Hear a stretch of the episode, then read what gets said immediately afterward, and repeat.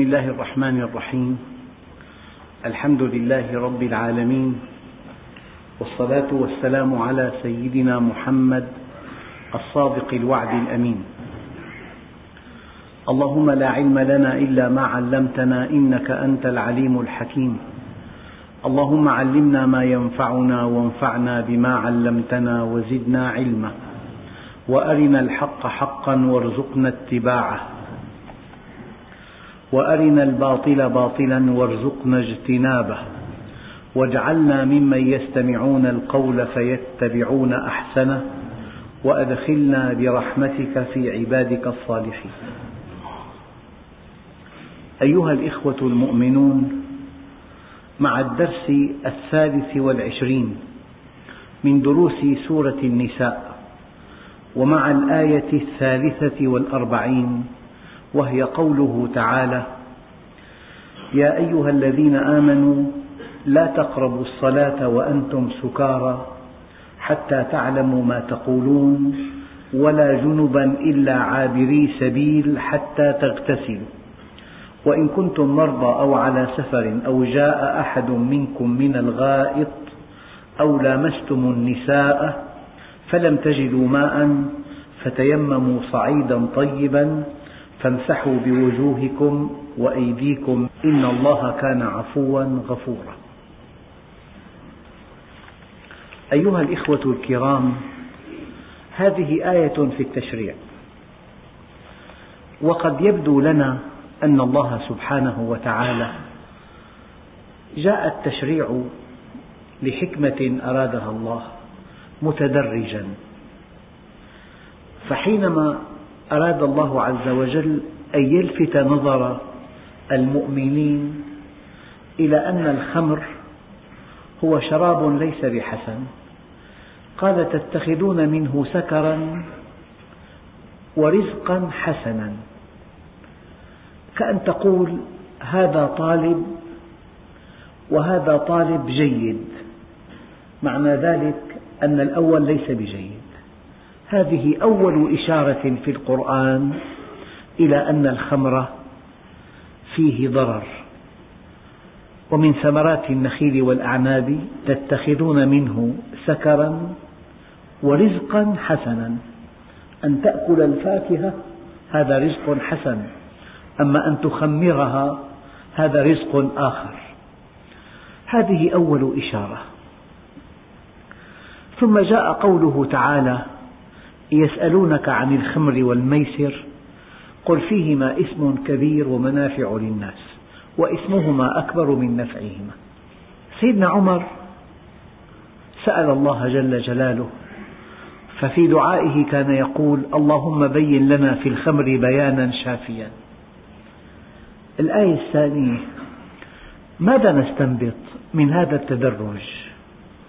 نستنبط من هذا التدرج أنك إذا دعوت إلى الله وقنع معك هذا الذي تدعوه ثم وجدته يألف شيئا حاول أن تقنعه أن يترك هذا الشيء بالتدريج لأنك لو ألزمته أن يتركه دفعة واحدة ترك الدين وترك التوبة. إذا كان تعلق الإنسان بشيء ألفه واعتاده تعلقا شديدا فمن الحكمة البالغة أن تتدرج في هذا الشيء. ليس معنى ذلك أن هذه الآيات يعمل بها الآن هي آيات منسوخة. لأنه في المرحلة السادسة قال الله عز وجل ولا تقربوا الصلاة وأنتم سكارى حتى تعلموا ما تقولون. فأوقات الصلاة متقاربة. والسكر ضياع العقل. فلذلك امتنع الصحابة عن شرب الخمر فيما بين الصلوات المتقاربة ولم يتح لهم إلا بعد صلاة العشاء. ثم نزل قوله تعالى إنما الخمر والميسر والأنصاب والأزلام رجس من عمل الشيطان فاجتنبوه.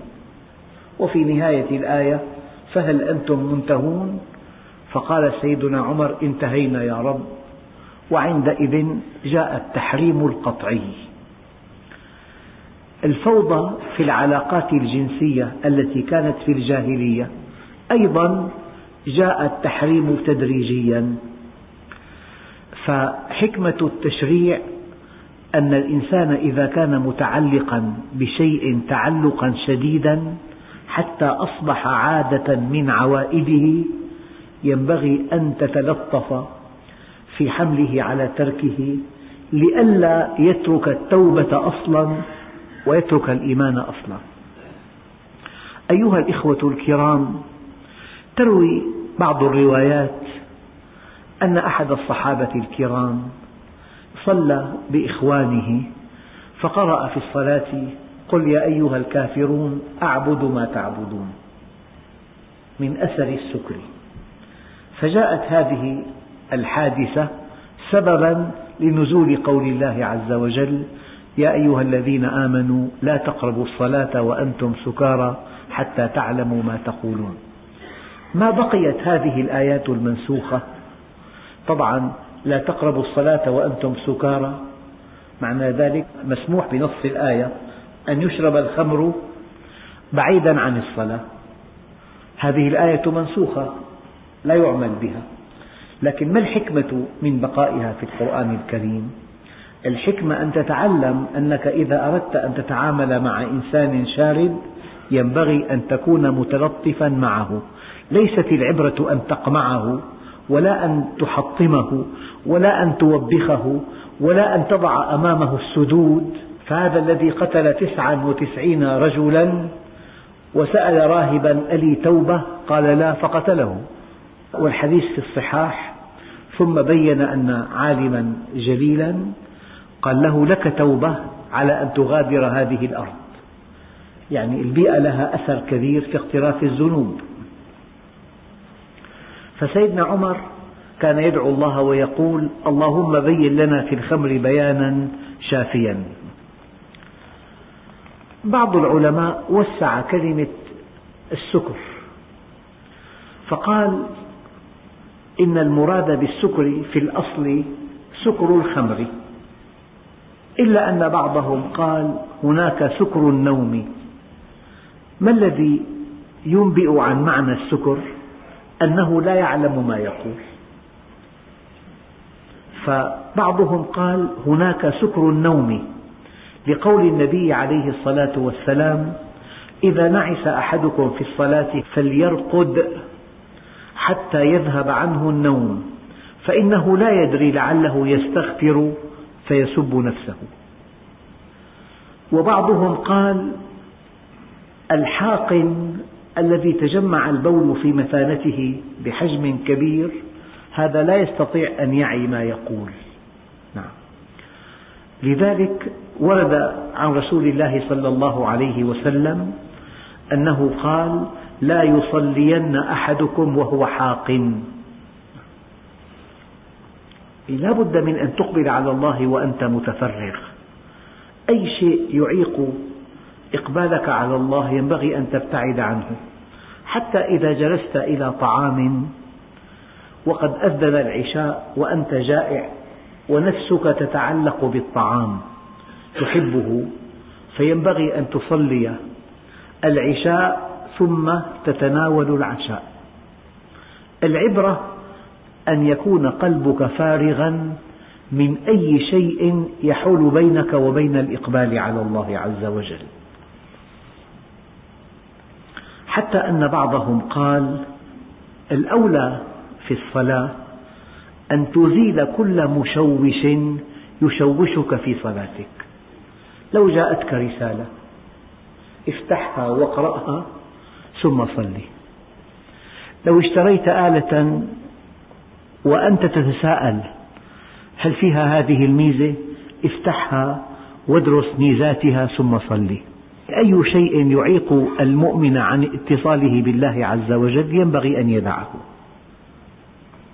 على كل الأصل في الآية هو سكر الخمر. لا تقربوا الصلاة وأنتم سكارى. والعلماء قالوا كلمة لا تقرب بفتح الراء معناها لا تتلبس بفعل الشيء. أما لا تقرب بمعنى لا تقترب. الذي حمل الآية على لا تقرب أي لا تصلي وأنت سكران. أما الذي حمل الآية على الاقتراب يعني حتى مقدمات الصلاة ينبغي أن تكون صاحيا. أيها الإخوة ثم يقول الله عز وجل بعد أن قال ولا تقربوا الصلاة وأنتم سكارى حتى تعلموا ما تقولون. وقبل أن ننتقل إلى الفقرة التي تليها لو أن الإنسان ليس سكرانا لكنه غائب في همومه في الصلاة يحدث نفسه بحديث الدنيا ومشاغلها وشهواتها وجمع أموالها ومستقبله هذا الحديث يجعله في حكم السكران لأنه ما عقل عن الله شيئا لأنه لا يعلم ما يقول. إذا الذي يصلي ولا يعلم ماذا قرئ في الصلاة هذا في حكم السكران. هناك قصص كثيرة. أحيانا يصلي عدد غفير من الناس وراء إمام. لو أن الإمام سألهم ماذا قرأت في الركعة الأولى؟ قد لا تجد من بين المئة مصل عدد قليل جدا يذكر ماذا قرئ في الركعة الأولى. إذا ليست هذه الصلاة التي أمر الله بها. ليست هذه الصلاة التي أرادها الله لنا. قال حتى تعلموا ما تقولون. لأنك حينما تقول إياك نعبد وإياك نستعين اهدنا الصراط المستقيم صراط الذين أنعمت عليهم غير المغضوب عليهم ولا الضالين. آمين. تقرأ قل لعبادي يقولوا التي هي أحسن. ألم تسأله أن يهديك الصراط المستقيم؟ جاء الجواب فكأن الآيات التي تقرأها عقب الفاتحة هي إجابة الله لك حينما سألته أن يهديك الصراط المستقيم. أنت حينما تركع حالة الركوع حالة الخضوع لله عز وجل كأن لسان حالك يقول سمعا وطاعة يا رب. سألتزم بذلك. قال لك في الصلاة؟ قولوا للناس حسنا. قال لك في الصلاة؟ قل للمؤمنين يغضوا من أبصارهم. قال لك في الصلاة؟ وإما ينزغنك من الشيطان نزغ فاستعذ بالله. حينما تقرأ الآية عقب الفاتحة على أنها الجواب الإلهي عن سؤالك اهدنا الصراط المستقيم تكون قد علمت ما قلت في الصلاة حتى تعلموا ما تقولون. فإذا ركعت فالركوع حالة الخضوع لله عز وجل. أما إذا سجدت لأنك في الفاتحة تقول إياك نعبد وإياك نستعين. حينما جاءك الأمر خضعت له لكنك ضعيف. لا تستطيع أن تقيم أمر الله إلا بمعونة الله. يأتي السجود وفيه طلب العون من الله. يعني لسان حالك في السجود إياك نستعين يا رب على أداء أوامرك واجتناب نواهيك. فكما ورد في بعض الأحاديث لكل آية حظها من الركوع والسجود. هذه الآية التي قرأتها عقب الفاتحة لها نصيبها من الركوع ولها نصيبها من السجود. إذا أنت صليت وعلمت ماذا قلت في الصلاة. أما هذا الذي لا يعلم ما يقول هو في حكم السكران. ثم يقول الله عز وجل ولا جنبا إلا عابري سبيل. يعني كأن الله عز وجل أراد هنا موضع الصلاة. يعني لا يمكن أن تدخل المسجد جنبا إلا أن يكون عبور سبيل. كان بعض الصحابة الكرام لهم بيوت مطلة على المسجد فإذا أراد أن يجلب الماء للبيت وكان جنبا لا بد من أن يخترق المسجد.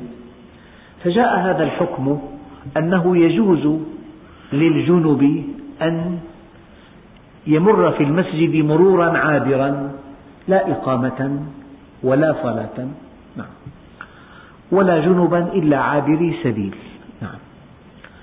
وقد يفهم من هذه الآية أنك إذا كنت مسافرا وأصابتك جنابة ولم تجد ماء تغتسل به لك أن تتيمم ولك أن تصلي.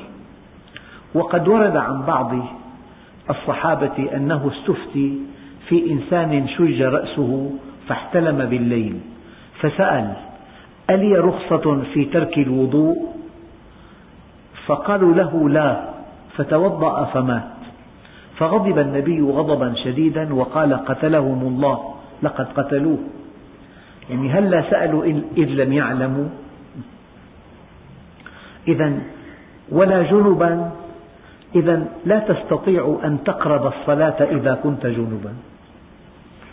حتى تغتسل إلا إذا كنت مسافرا وفي السفر رخصة لك أن تتوضأ وأن تصلي. إن لم تستطع أن تغتسل.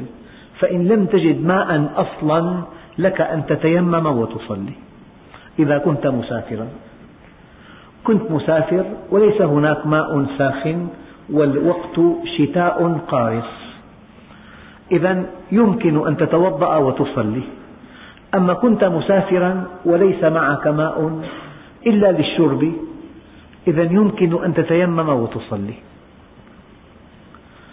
يعني أناس قالوا لا تقربوا الصلاة الصلاة نفسها. وأناس قالوا موضع الصلاة أي المسجد. والطائفة الثالثة قالت أراد الله الصلاة وموضعها معا. الصلاة وموضعها معا. ذلك لأن الصحابة الكرام لا يأتون المسجد إلا للصلاة. ولا يصلون إلا مجتمعين في المسجد فاختلط مفهوم الصلاة مع مفهوم مكان الصلاة. أخواننا الكرام السكران لا يعلم ما يقول لأن السكر إغلاق للعقل والعقل مناط التكليف. السكر إغلاق للعقل والعقل مناط التكليف.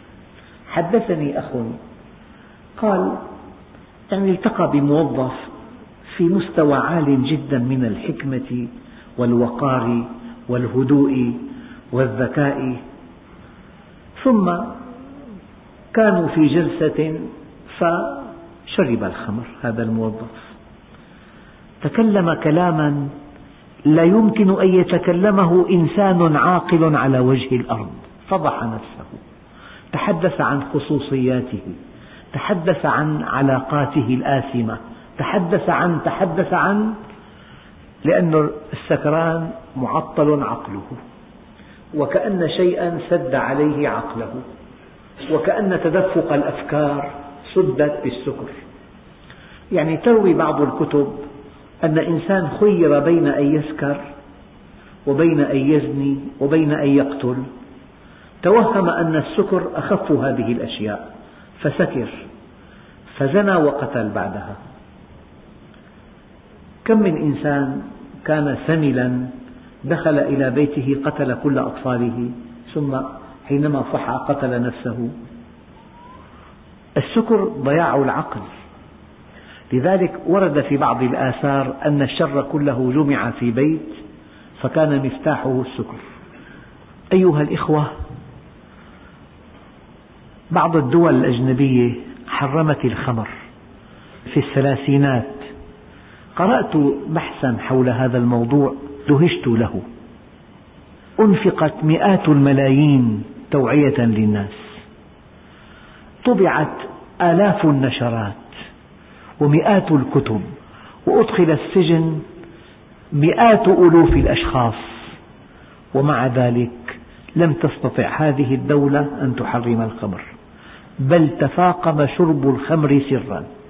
بل صنعت سفن ذات جدارين كانت الخمور تهرب بين جدرانها.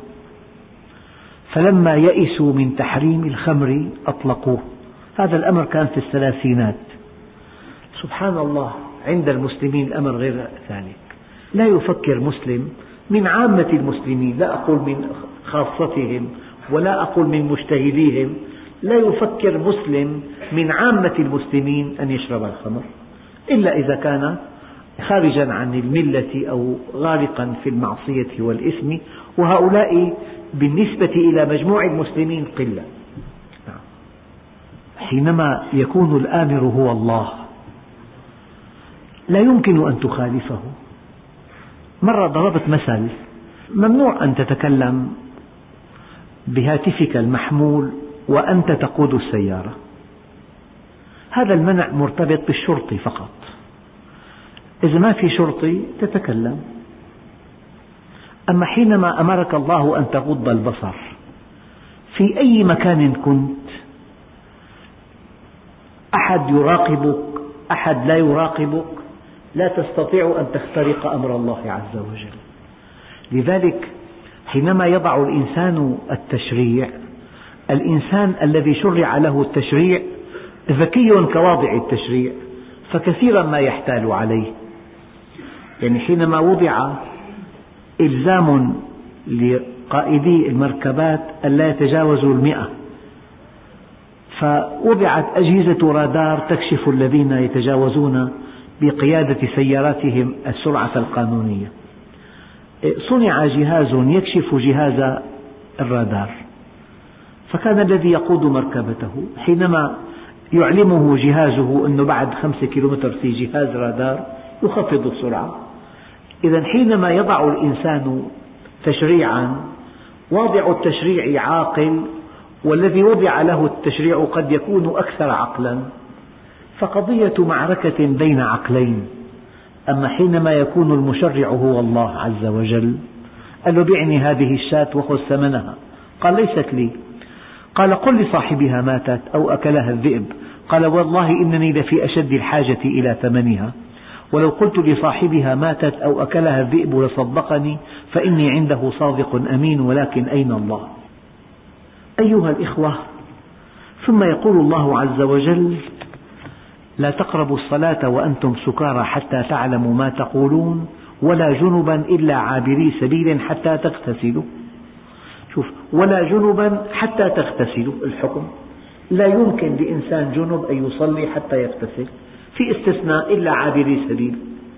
إذا في ماء للوضوء تتوضأ وتصلي. لم يكن هناك من ماء أصلا تتيمم وتصلي. نعم. الجنب أيها الإخوة الجنب هو الذي يعني جامع زوجته أو احتلم.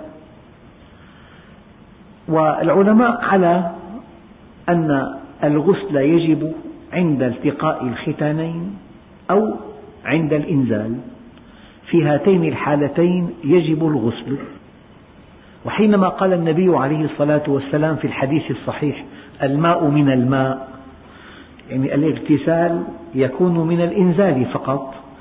آه، العلماء وجهوا ذلك الحديث إلى موضوع الاحتلام. فالذي احتلم ولم يجد ماء لا عليه شيء ليس عليه شيء. أما إذا احتلم وجد ووجد آثار الماء على ثوبه الداخلي عندئذ يجب أن يغتسل.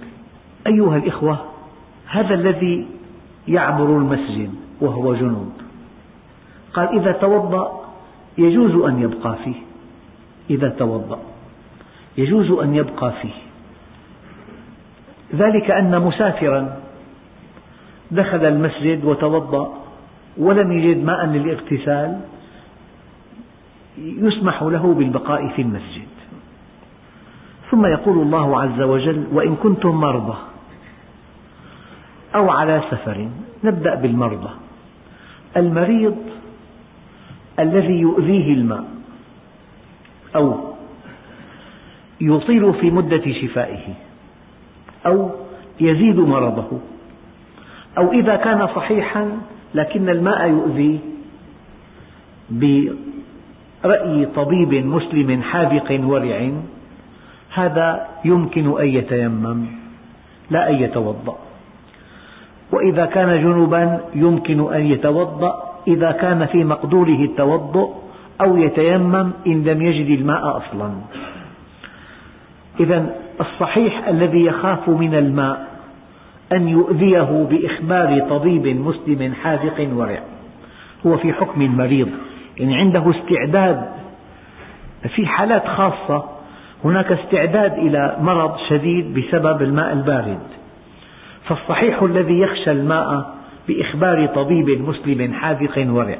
أو المريض الذي يؤذيه الماء أو المريض الذي يطيل الماء مدة شفائه أو المريض الذي يعيق الماء شفاءه أو آه، كما قلت قبل قليل أو يعجل في تفاقم مرضه. هذا إنسان يمكن أن يتوضأ ويصلي إن كان الوضوء لا يؤذيه ويمكن أن يتيمم إذا كان أصل الماء يؤذي.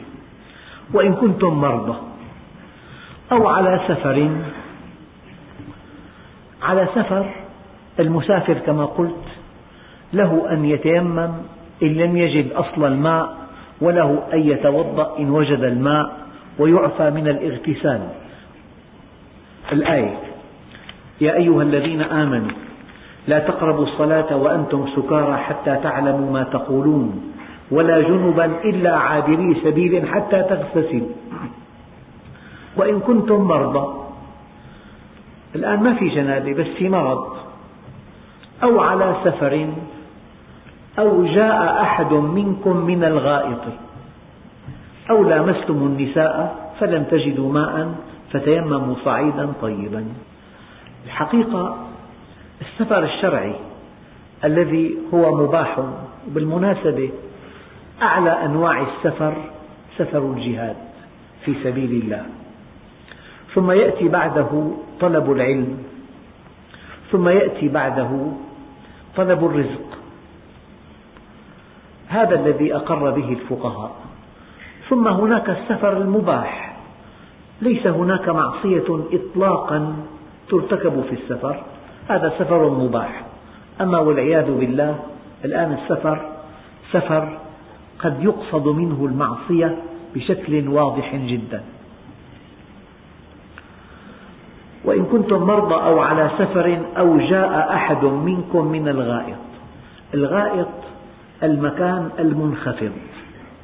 وكان الناس في حياتهم الخشنة ليس هناك دورات مياه يذهبون إلى مكان منخفض ليقضوا حاجاتهم أي كي يستتروا بهذا المكان المنخفض. فصارت كلمة الغائط كناية عن قضاء الحاجة. يعني كان في مكان منخفض يقضي حاجته أو جاء أحد منكم من الغائط. كان في مكان منخفض قضى حاجته وجاء إلى بيته. أو لامستم النساء فلم تجدوا ماء فتيمموا صعيدا طيبا. أيها الإخوة أما كلمة لامستم النساء تفيد اللقاء الزوجي. على خلاف بين العلماء بعضهم قال المباشرة فقط بعضهم قال المس فقط بعضهم قال اللقاء الزوجي المعروف. ففي هذه الحالات الثلاث ولم تجدوا ماء فتيمموا صعيدا طيبا. وتعريف المرض قبل أن نتابع الآية خروج الجسم عن حد اعتداله. كل إنسان إذا عملت أجهزته عملا طبيعيا يشعر براحة وخفة ويستخدم حواسه ويستخدم جوارحه ويستخدم أعضاءه وأجهزته استخداما صحيحا.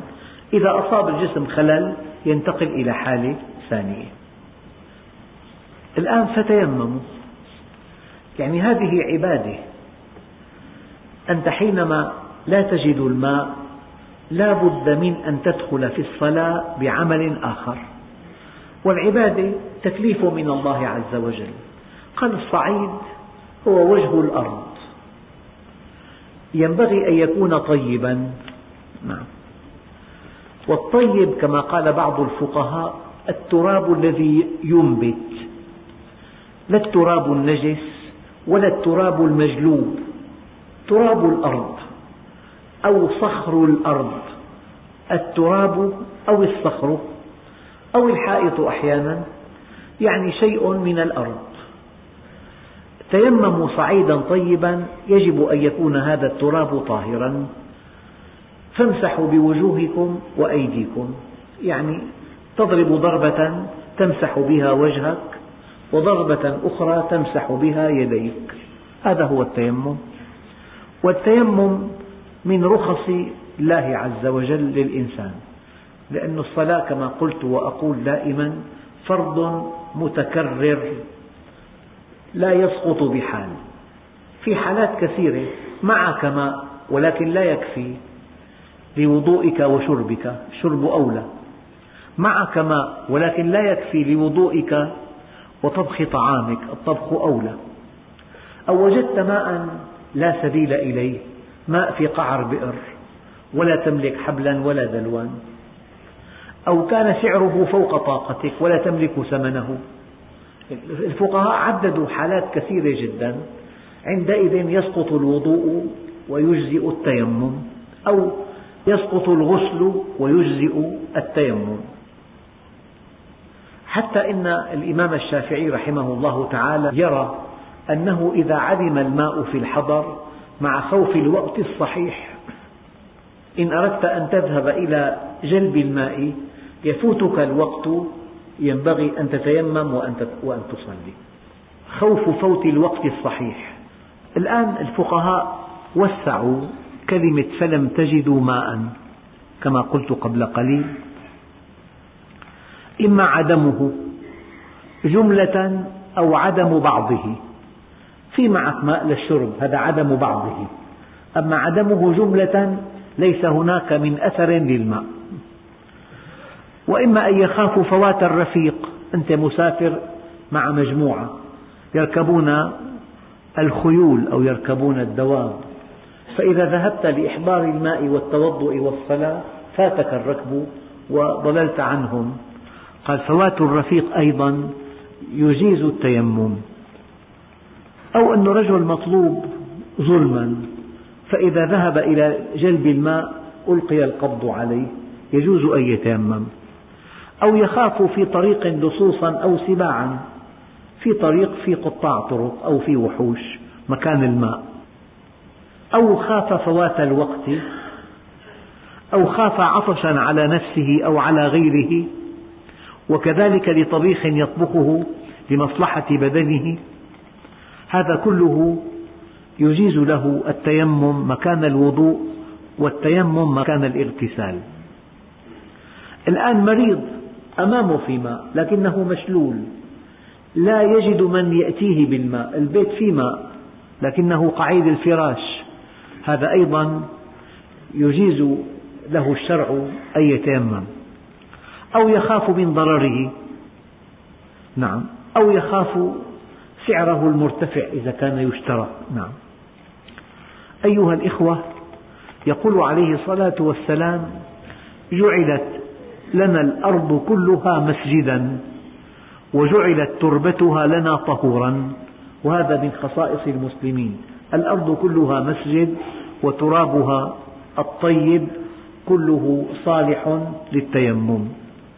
معنى تيمموا أي اقصدوا. يممت وجهي تلقاء مدين يممت وجهي تلقاء حلب مثلا. التيمم القصد. كأن الله عز وجل يقول فتيمموا صعيدا يعني وجه الأرض. صخر رخام تراب تراب طاهر نعم. فتيمموا صعيدا طيبا. ثم يقول الله عز وجل فامسحوا بوجوهكم وأيديكم. في آية ثانية في سورة المائدة فامسحوا بوجوهكم وأيديكم منه. من الموازنة بين الآيتين استنبط الإمام الشافعي أنه لا بد من أن ينتقل جزء من الصعيد الطيب إلى الوجه واليدين منه. وفي الآية الأولى يعني لو لم يعلق شيء بيديك يجوز أن تمسح بوجهك وأن تمسح يديك دون أن تنقل من التراب شيئا. القضية خلافية نعم. لأن النبي عليه الصلاة والسلام لما وضع يديه على الأرض ورفعهما نفخ فيهما وكأنه أزال أثر التراب. نعم. ومن آية منه تفيد الآية فيما تفيد أنه لا بد من أن يصل إلى جلد وجهك وجلد يديك شيء من صعيد الأرض. ويبلغ بالتيمم في اليدين إلى المرفقين قياسا على الوضوء. وبعضهم قال الكفين فقط يعني إما الكفين وإما المرفقين قياسا على الوضوء. وبعض العلماء قال هل يجوز أن يكون التيمم ضربة واحدة للوجه والمرفقين؟ الجمهور على أنه لا بد من ضربتين ضربة للوجه وضربة لليدين.